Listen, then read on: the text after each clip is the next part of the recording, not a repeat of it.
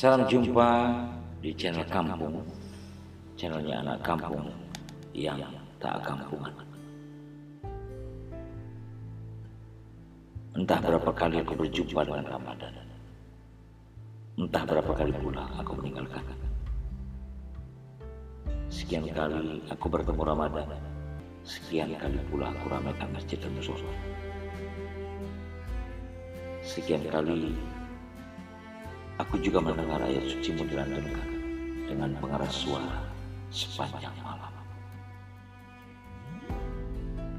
Suasana yang menyejukkan, meneduhkan, menggetarkan hati dan menambah keinginan. Wajilat qulubuhum wa idza tuliyat alaihim ayatuhu imanan. Demikian Tak terbayang manakala hati bergetar saat mendengar ayat Tuhan berdengarkan. Akan menggetarkan pula semangatku untuk tak melakukan kesalahan berikutnya pada peristiwa yang sama di 11 bulan kemudian. Voltase energi kekuatan Quran seolah merontokkan bintang ke bintang dari tangkainya. Memenuhi angkasa kampungku yang akan membawanya ke dalam kalbu. Setelah prosesi menahan diri sebulan penuh. Dengan begitu, aku akan menahan diri usai Ramadan di setiap sepak terjang pergaulan sosial yang bermuara pada perdamaian.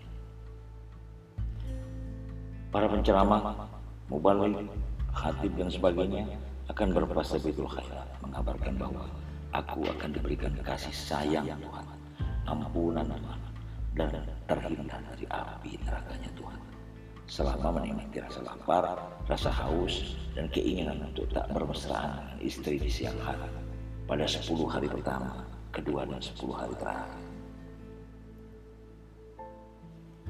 Beragam tema dituliskan dan disuarakan oleh mereka yang memiliki kemampuan untuk itu. Mulai dari bulan penuh ampunan, bulan introspeksi, bulan barokah, bulan kasih sayang, bulan seribu bulan, bulan melatih kepekaan sosial, serta bulan-bulan lainnya yang tak mungkin bisa diungkap di ruang terbatas ini. Namun adakah jaminan aku sudah paham? Adakah peningkatan penghayatan dari proses permenungan selama menahan diri? Apakah gerak sosial Ramadanku masih jalan di tempat? Adakah aku makin peduli dengan sesama? Adakah aku masih suka saling mencaci lagi? Apakah aku tak menjadikan buruk sangka sebagai pedomanku sepanjang tahun?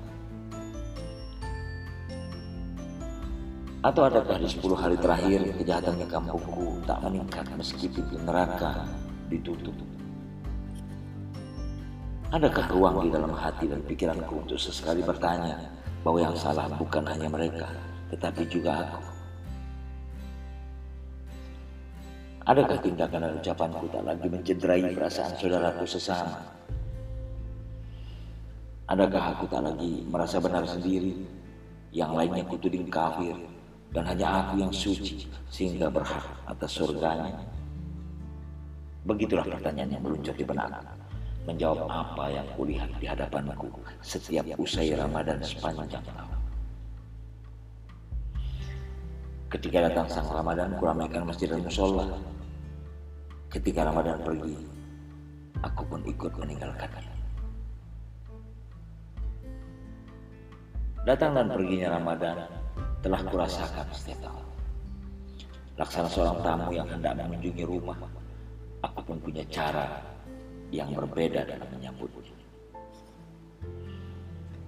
Jika yang datang adalah gubernur atau wali kota, tentu aku akan sangat bangga menerimanya dengan segala persiapan yang diatur sedemikian rupa. Hingga suasana pemuliaan itu akan sangat sesuai dengan anjuran untuk ikrom baik, memuliakan Ta'ala.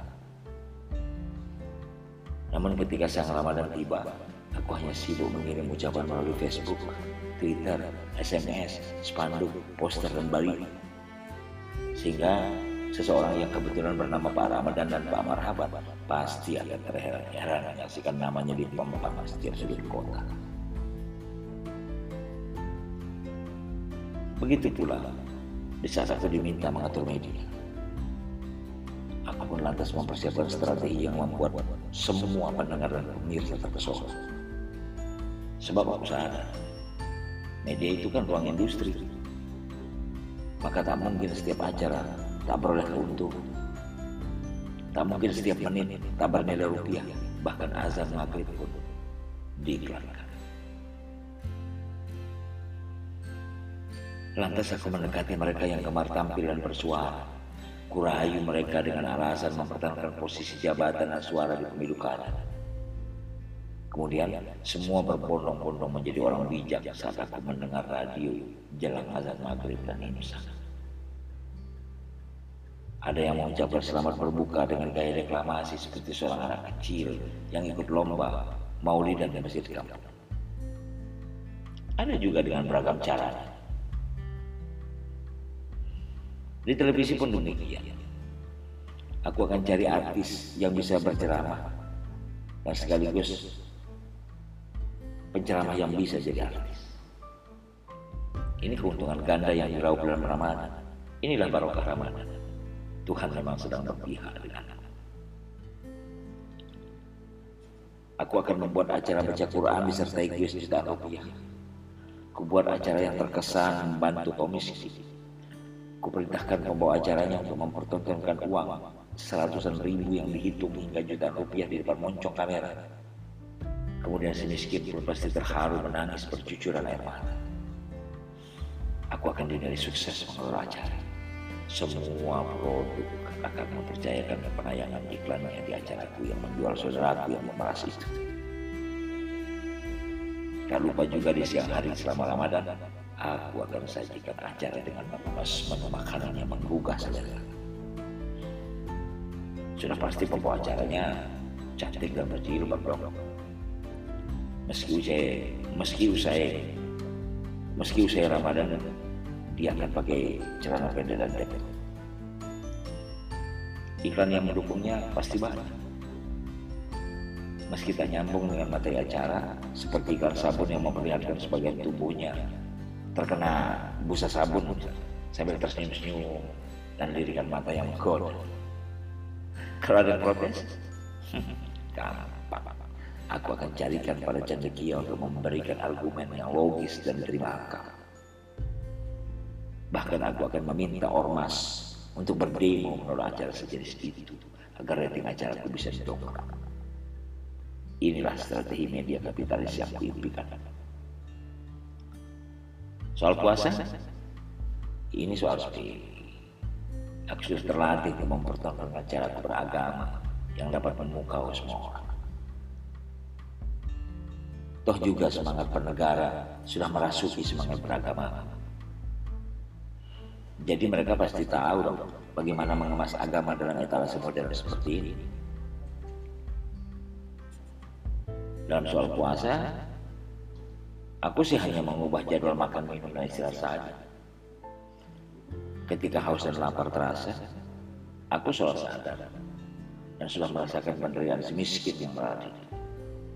Bagiku, ini akan membuatku kelak memiliki kepekaan sosial seperti kebanyakan pemahaman banyak orang.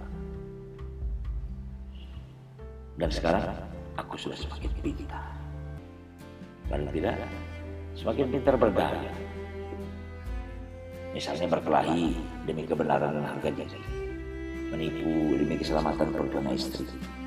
Mencaci demi pendidikan yang dianggap bermutu. Berbuat semaunya demi kemerdekaan dan demokrasi. Tak berbuat demi ketentraman rasa alam pribadi. Serta membiarkan kemungkaran dan demi perdamaian. Biarlah hanya aku yang demikian, sobat. Biarlah aku yang demikian. Kalian tidak. Terima kasih. Salam dari kamu. Bersama kita beda.